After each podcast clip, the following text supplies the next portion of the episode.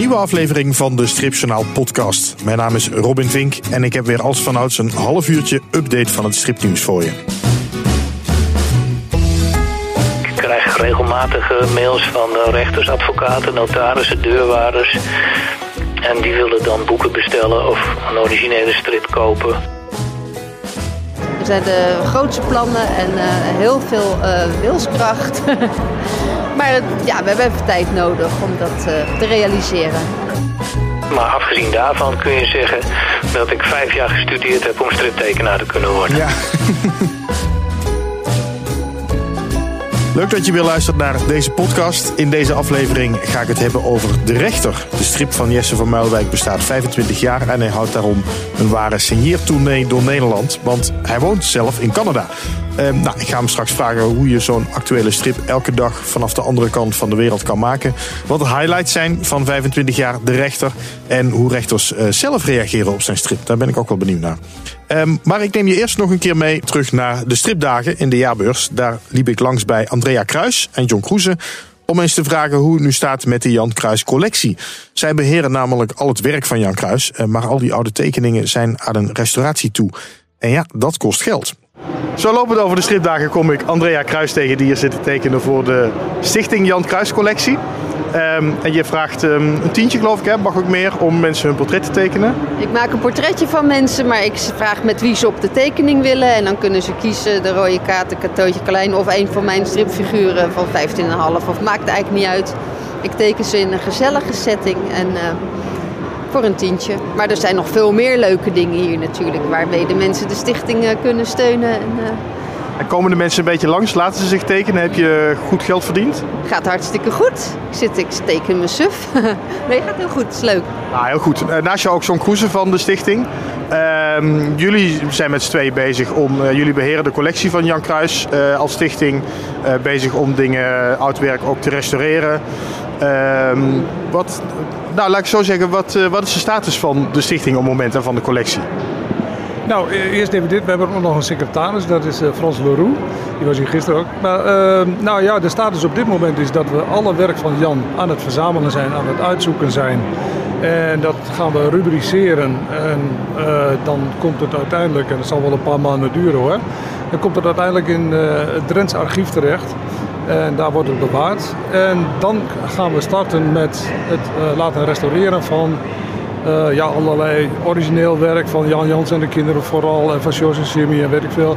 Eh, die, die, moet, die zijn ja, door de jaren heen vergeeld en de lijm is doorgeslagen. Er zijn dingen afgeknapt en zo. En ja, het is de bedoeling om dat weer in een goede staat te herstellen, zodat het mooi geëxposeerd kan worden. En het ehm, Jan Kruis Museum, daar was op zeker moment sprake van. Dat is zo niet doorgegaan. Is dat, nog, ehm, is dat mogelijk dat dat er nog komt? Wie gaat hem beantwoorden? Ja, we, allebei door elkaar praten. Het, het, museum zijn we heel druk mee bezig nog om daar, om daar een vorm voor te vinden en, en, en een plek. En, hè. En, en, ja, er, wordt, er is een werkgroep opgericht binnen de stichting die zich helemaal bezighoudt met het museum. Er zijn de grootste plannen en eh, heel veel eh, wilskracht. maar het, ja, we hebben even tijd nodig om dat eh, te realiseren. Maar het is nog niet helemaal van de baan, dus hoor ik. Zeker Oh, absoluut niet. Nee, nee absoluut niet. Want eh, we zijn wel bezig weer ergens. Ergens in Drenthe, zal ik, maar zeggen, want het is allemaal nog niks zeker. En ja, de kans is groot dat, eh, dat er wel een fysiek Jan Kruis Museum komt. We zijn ook bezig met een virtueel Jan Kruis Museum. En we proberen daarvan eh, eind dit jaar eh, een, een, ja, een eerste versie van online te hebben. En dan hebben we het over een eh, virtueel museum waar wat te beleven valt. En niet alleen een gebouw zoals de dingen in, in Barcelona, waar je natuurlijk rond kunt lopen en inzoomen op schilderijen. Maar het voordeel is dat wij geen gebouw hebben nog. En wij kunnen dus gewoon in space, laat ik maar zeggen, kunnen we van alles eh, doen. Hier hebben we één proefje staan, tekenen met Jan. Dus je kunt echt van Jan Kruis zelf eh, leren een kartootje tekenen en dergelijke. En ehm, zo op die manier gaan we heel veel met, met, met, interactieve dingen bezig om daar een eh, spannend museum online van te maken. Ik laat even een stukje horen van dat filmpje, want het is wel heel mooi. Dan legt Jan Kruis uit aan de kijker hoe je zelf een kartootje kan tekenen of andere figuren, geloof ik. Hè? Ja, nou, dat- Ik ga er zo even naartoe, plak ik er wel tussen. ja. Ehm, Oké, waar we mee beginnen is een leeg stukje papier, een potloodje en een stukje gum. En dat is knijtgum en dat is heel lekker, want dan kun je zo fijn in knijpen.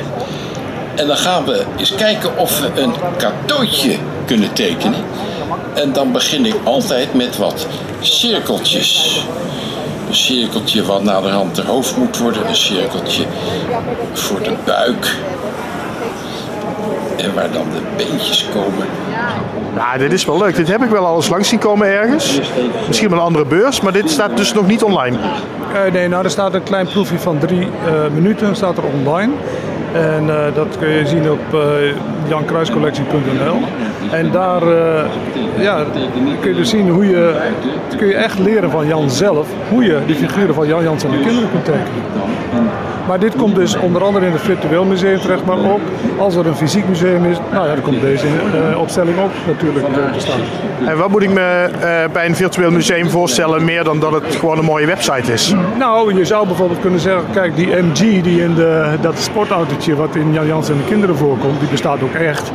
En uh, die gaan we van binnen en van buiten fotograferen. En dan gaan we een 3D-model maken. En dan zou je bijvoorbeeld, ik weet niet of het echt zo gaat gebeuren, maar je zou bijvoorbeeld daar in plaats kunnen nemen en dan in de MG langs allerlei onderwerpen kunnen gaan wat, waar Jan mee bezig is geweest. Met Woutertje Pietersen, met Jos en Jimmy, met Jan Jans en de kinderen, uh, weet ik veel. Dus je kunt gewoon... Uh... Dan voeg je er een game element aan toe eigenlijk. Sorry? Dan voeg je er een game element aan toe. Ja, ja, dan komt het met de gaming, maar uh, het wordt echt een heel uitgebreid iets. Het wordt echt een website waar je, nou ja, waar je ook bijvoorbeeld lid van kunt worden.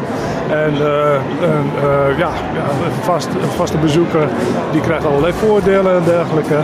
Maar ja, wat ik, uh, ik, ik heb een beetje hekel aan het woord, maar het gaat om beleving.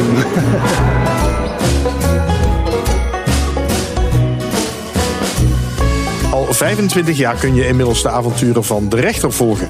Naar eigen zeggen de enige krantenstrip ter wereld met de rechtspraak als onderwerp. Um, maar goed, dat heb ik dan weer niet helemaal kunnen checken. Um, er is wel een mooi jubileumboek uitgekomen en er loopt tot en met september een tentoonstelling in het Stripmuseum in Groningen. Een mooie gelegenheid dus om eens te bellen met tekenaar Jesse van Muilwijk. 25 jaar de rechter. Ja. Hoe kijk je erop terug op die 25 jaar? Nou, het is een kwestie van stug doorwerken geweest. En je moet elke dag weer zorgen dat je de deadline haalt. Maar ik heb die strips in al die 25 jaar, ik denk meer dan 7.500, bijna 8.000, allemaal met heel veel plezier gemaakt. Dus ja, ik hou ontzettend van mijn werk. Ja, maar het klinkt een beetje alsof je op de 25 jaar zit voordat je daar erg in had. Ja, ja, op een gegeven moment dan denk je wel van uh, verdraaid. We zitten bijna op een kwart eeuw. Maar ik kijk ook nooit zo ver vooruit hoor. Ik ben altijd blij als ik de strip heb uh, afgemaakt voor vandaag. En op donderdag denk ik altijd heerlijk, ik heb weer een week klaar, want vrijdag is mijn vrije dag. Dus ja, ik reken eigenlijk niet zo in jaren. Ja, want je zit dicht op de actualiteit natuurlijk ook hè? Ja, precies. Ja, als dingen in het nieuws zijn en uh, dingen echt geschikt zijn voor de strip, dan vind ik het extra leuk om daar iets over te maken. Ja. Hoe is het uh, begonnen? Want uh, uh, ja, je was ooit voorbestemd om zelf advocaat te worden. Um, ja, voorbestemd. Nou ja. dat is ook een groot woord. Maar het is wel zo, als je die rechtenstudie doet, dan kun je allerlei kanten op. En lang niet iedereen wordt advocaat hoor. Mensen gaan op allerlei sectoren werken, komen overal terecht. En een enkeling wordt zelfs striptekenaar. Ja, dus je, je hebt de rechtenstudie gedaan en, en daar eigenlijk nooit echt iets mee gedaan. Behalve dan, ja, je doet er iets mee in de strip, maar niet um, echt als jurist gewerkt of zo. Nee, ik heb wel anderhalf jaar bij de universiteit gewerkt in Groningen. Heb ik iemand geholpen met promoveren. Maar afgezien daarvan kun je zeggen dat ik vijf jaar gestudeerd heb om striptekenaar te kunnen worden. Ja, maar, wel, maar wel met een strip natuurlijk die, die uniek is in zijn soort. Namelijk, hè, je pakt het hele juridische uh, gebied pak je mee in je strip. Ja. Hoe, hoe is dat zo ontstaan? Ja, um, ik dacht eerst toen ik een recht had gedaan en daarna ging ik nog naar de kunstacademie, van ik, moest, ik moet een bepaalde combinatie vinden tussen beide. Want dat is natuurlijk het beste, hè? als je die twee soorten ervaring kunt integreren in één vorm. Dus ik dacht eerst aan rechtbanktekenaar. Uh, maar dat vond ik toch een beetje te beperkt. En toen uh, ben ik artikelen gaan schrijven over hoe het nou werkt bij de rechtbank. En zelf de illustraties bij gaan maken. Maar ja, daar was ik toch ook vrij snel op uitgekeken. En toen dacht ik, ja, ik maak gewoon een strip over rechter. Want ik hield van striptekenen en ik maakte al strips. Dus dat was eigenlijk dan een voor de hand liggende keuze. Ja. En loop je dan niet het gevaar dat je zelf zo uh, in dat juridische domein zit, hè, je hebt er, uh, wat is het, vier jaar voor gestudeerd, dat je um, misschien er te dicht op zit en te, te, um, te dicht bij de waarheid wil blijven of te specialistisch wordt? Nou, je moet natuurlijk wel uitkijken voor bepaalde vaktermen, hè, dat je Ja. die niet gaat gebruiken. Maar daar kun je dan juist ook weer de draak mee steken. Dat advocaten die vakterm gebruiken en dan snapt de cliënt er weer niks van. En uh, ik kan wel met een, zeg maar een soort buitenstaandersblik, de blik van een cartoonist, naar het juridische wereldje kijken. En uh, dat, dat wil dus best goed. En verder is het natuurlijk wel handig dat je gewoon weet hoe bepaalde dingen werken. Hè, dat een officier van justitie een andere taak heeft dan een rechter bijvoorbeeld. En dan maak je ook geen fouten als je dan een, uh, een of andere strafzaak in de strip in beeld brengt. Ja. Um, en, hoe is het toen begonnen? Want dan, dan maak je die strip en dan, ja, dan moet je natuurlijk ergens een publicatie vinden. Hoe is dat gelopen? Ja, ik, uh, het is eigenlijk een hele lange aanloop geweest. Ik kreeg op een gegeven moment goede ideeën voor teksten. Dus die ben ik gaan opschrijven in een boekje. Dan had ik er tien of twintig. Toen ben ik eens gaan tekenen. Maar ik heb drie jaar lang rechterstrips getekend. Uh, 150 stuks ongeveer. Zonder te weten aan wie ik ze zou verkopen. En uh, dat geeft dus ook alweer aan dat ik het gewoon ontzettend leuk vond om die strip te maken. Maar ik um, had dus nog geen koper. Maar toen ik eenmaal de boer op ging en een aantal kranten bij langs ging... en al die kranten die strip wilden hebben... toen konden die kranten ook ineens een half jaar vooruit. Dus zij waren blij, want ze hadden zekerheid van publicatie. En ik was blij omdat ik een half jaar voorsprong had toen ze begonnen. Ja, inderdaad. Ja. Maar die voorsprong is er ondertussen af natuurlijk. Ja, ik heb nou niet zoveel voorsprong meer over. In de loop der jaren ga je af en toe op vakantie en zo. En uh, dan slinkt het allemaal wat. Maar ik heb nu... Nu maak ik eigenlijk al meer dan tien jaar lang elke dag de strip één dag van tevoren. Maar bij de krant hebben ze wel een noodvoorraadje. En ik heb zelf ook altijd een paar reservestrips achter de hand. Ja. Hoe heeft de rechter zich ontwikkeld in de afgelopen 25 jaar? Nou, hij heeft zich eigenlijk niet veel ontwikkeld hoor. Hij uh, is eigenlijk altijd dezelfde gebleven. Beetje kalme, plichtsgetrouwe workaholic. Hij heeft wel na een paar honderd afleveringen een vrouw erbij gekregen. En zo kreeg de strip ook veel meer een karakter buiten de rechtszaal. Dus de rechter ging op vakantie met zijn vrouw. En uh, er kwamen allerlei figuren bij. Een notaris en een deurwaarder. Dus het aantal figuren raakt uh, steeds verder uitgebreid. En er gebeurde steeds meer om de strip heen. Dus als er uh, een WK voetbal was, waar Oranje aan meedeed, zoals vroeger nog wel eens gebeurde. Lang geleden. Ja, precies. Dan uh, staat de rechter zelf op het puntje van zijn stoel, of ze keken in de rechtszaal. En uh, ja, als dan een kerstboom gekocht moest worden of zo in december, dan, dan zag je dat ook in de strip terug. Dus het Ja. werd ook een beetje een huistuin- en keukenstrip, maar nog steeds heel veel actualiteit. En ook wel af en toe met juridische aspecten. Ja, maar dus waar het zich in het begin veel meer focuste echt op die rechtbank, ben je langzaamaan steeds iets dat die wereld wat breder gaan maken en wat uitstapjes gaan maken. Ja, precies. En zelfs in het begin had ik alleen maar strips over strafrecht. Hè? Uh, vernielers en dieven en bankovervallers en zo. Maar na een tijdje dacht ik, ja, maar wacht even, we kunnen ook echtscheidingen doen of mensen die ontslagen zijn. Dus dat werd al breder.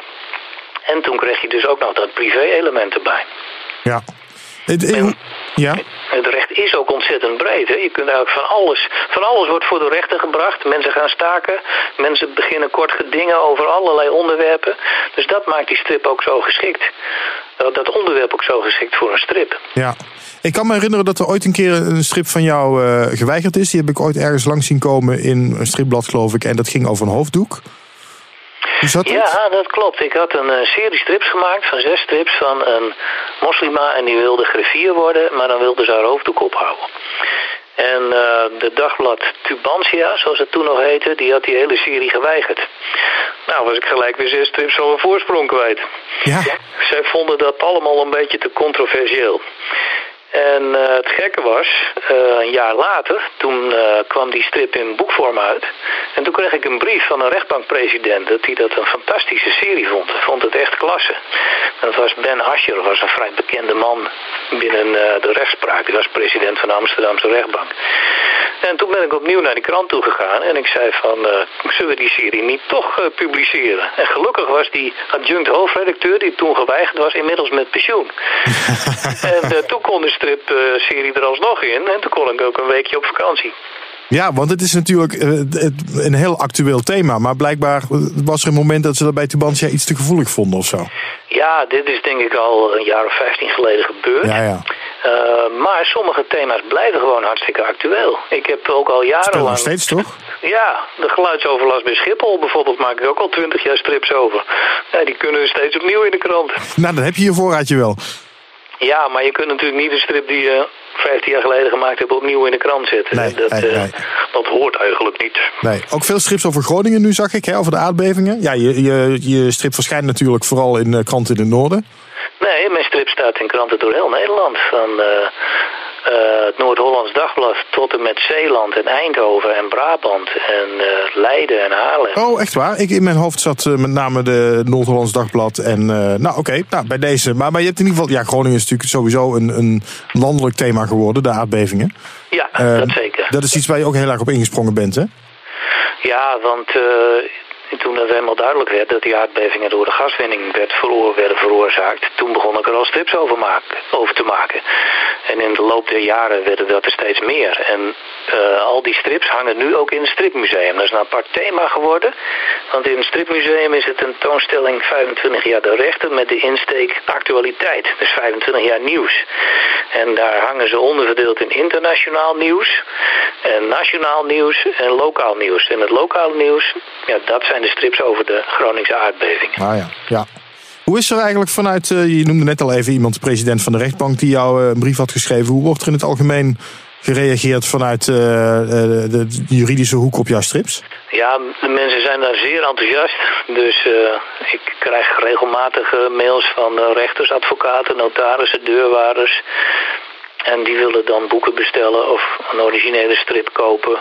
En soms eh, bestellen ze zelfs 100 boeken tegelijk. En dan, omdat we uitgever zijn, leveren we dat zelfs met een eigen voorwoord erin en een cartoon op maat. Dus dan maken we ook een beetje een private label editie.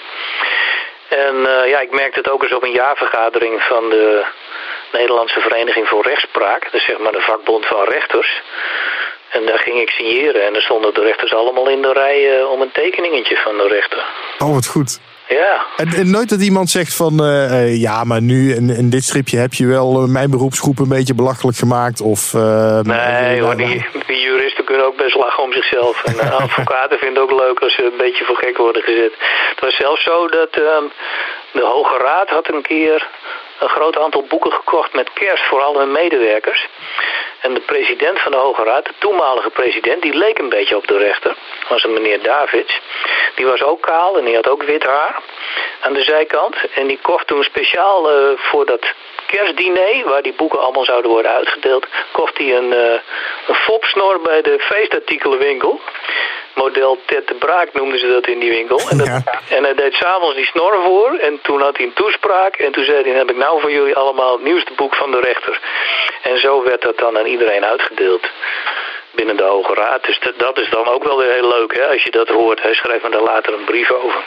Nou, wat goed. Maar wel, wel leuk dat je inderdaad, dat je zo omarmd wordt door die, die- door die beroepsgroep.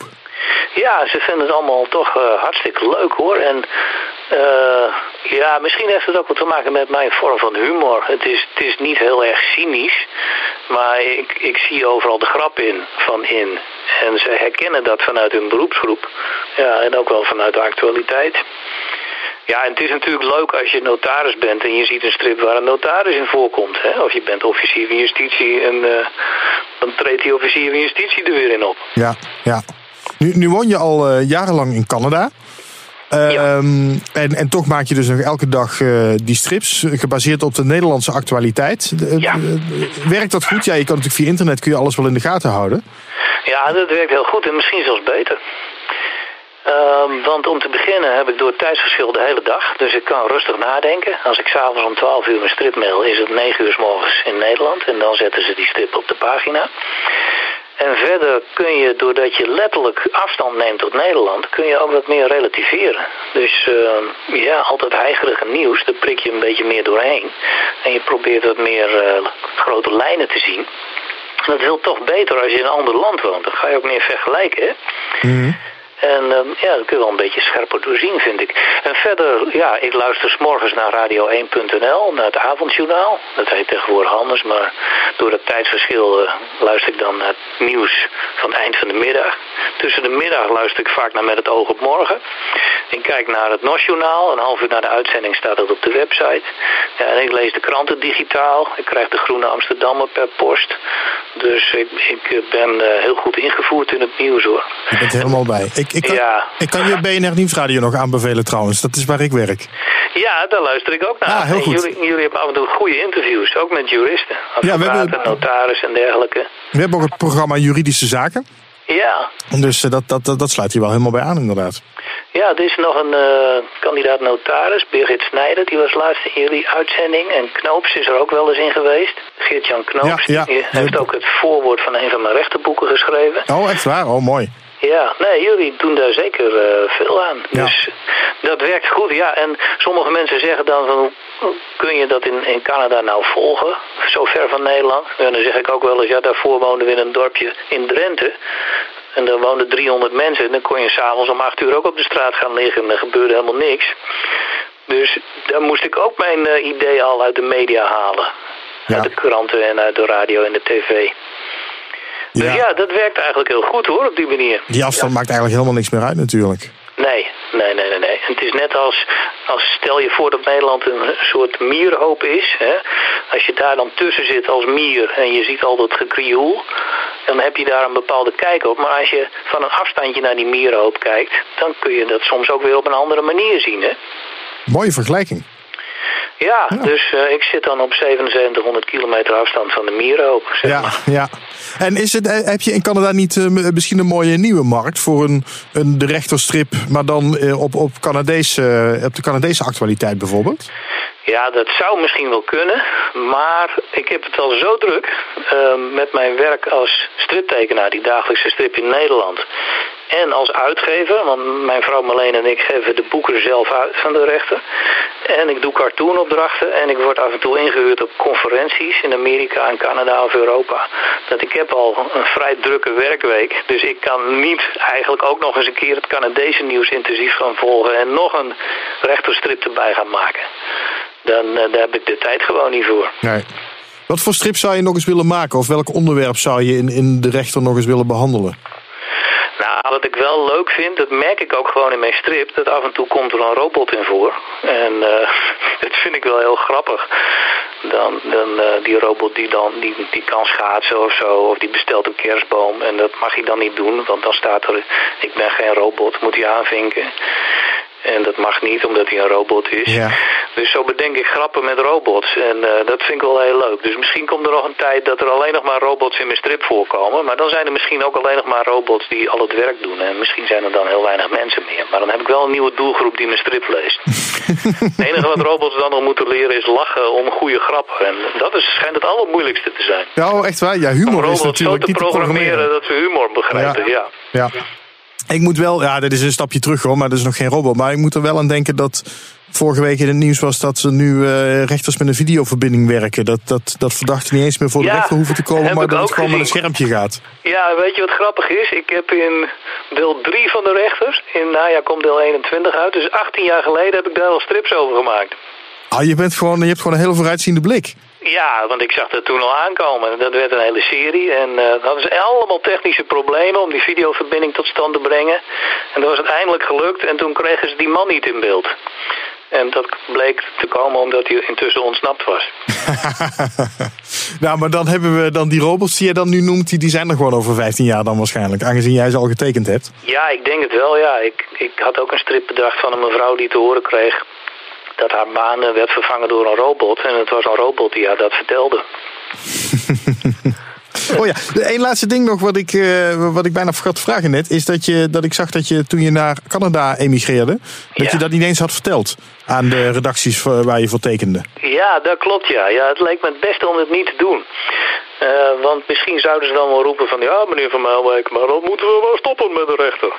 En dat wou ik natuurlijk niet. Ik wou eerst laten zien dat je vanaf de andere kant van de wereld... net zo goed en net zo snel net zo actueel... een strip kon maken over het Nederlandse nieuws. Dus ik denk, als ik nou niks zeg... en eh, een aantal maanden lang ga ik gewoon verder... en zorg ik dat de kwaliteit van de strip gelijk blijft of zelfs beter wordt, dan kan ik later uh, altijd zeggen van nou, je ziet toch dat het werkt, hè? het maakt niks uit. Dus na een maand of zes of acht uh, kwam er een van de hoofdredacteuren erachter en die vertelde dat in het hoofdredacteurenoverleg. En daar keken ze daar uh, inderdaad wel van op, ja. En, maar ze vonden het een heel sterk staaltje. En er was één overredacteur die zei, ja, maar dat houdt hij nooit vol.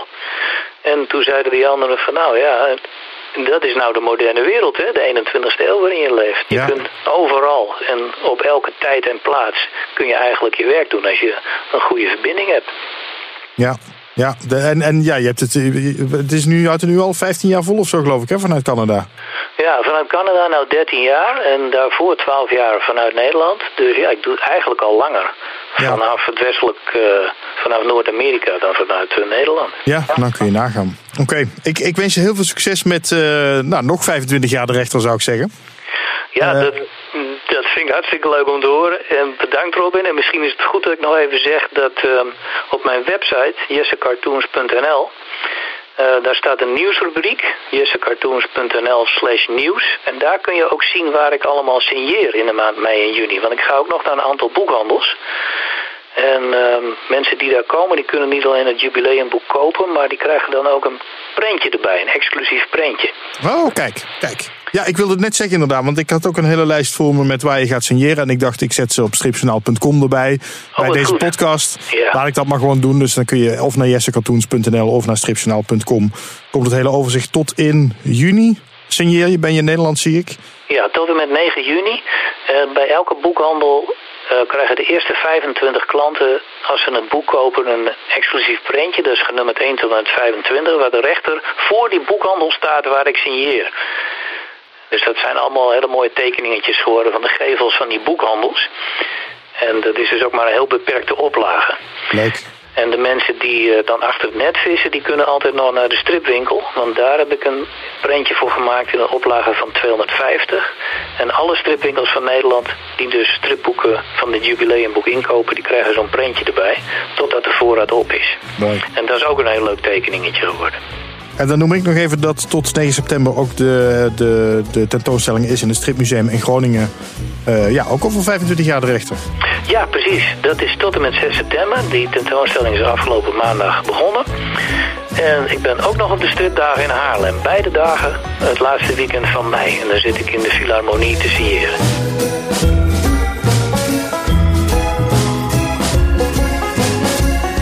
Dit was de Stripjournaal podcast weer voor deze week. Dankjewel voor het luisteren. Heb je een vraag of een opmerking? Je kan me natuurlijk altijd mailen op info.stripjournaal.com. En als je met plezier hebt geluisterd, laat dan ook even een rating of een recensie achter in je podcast app. Volgende week, dan ben ik er weer. Nu echt, dat beloof ik. Ehm, en dan heb ik een gesprek met Maaike Hartjes over haar burn-out dagboek. Tot volgende week.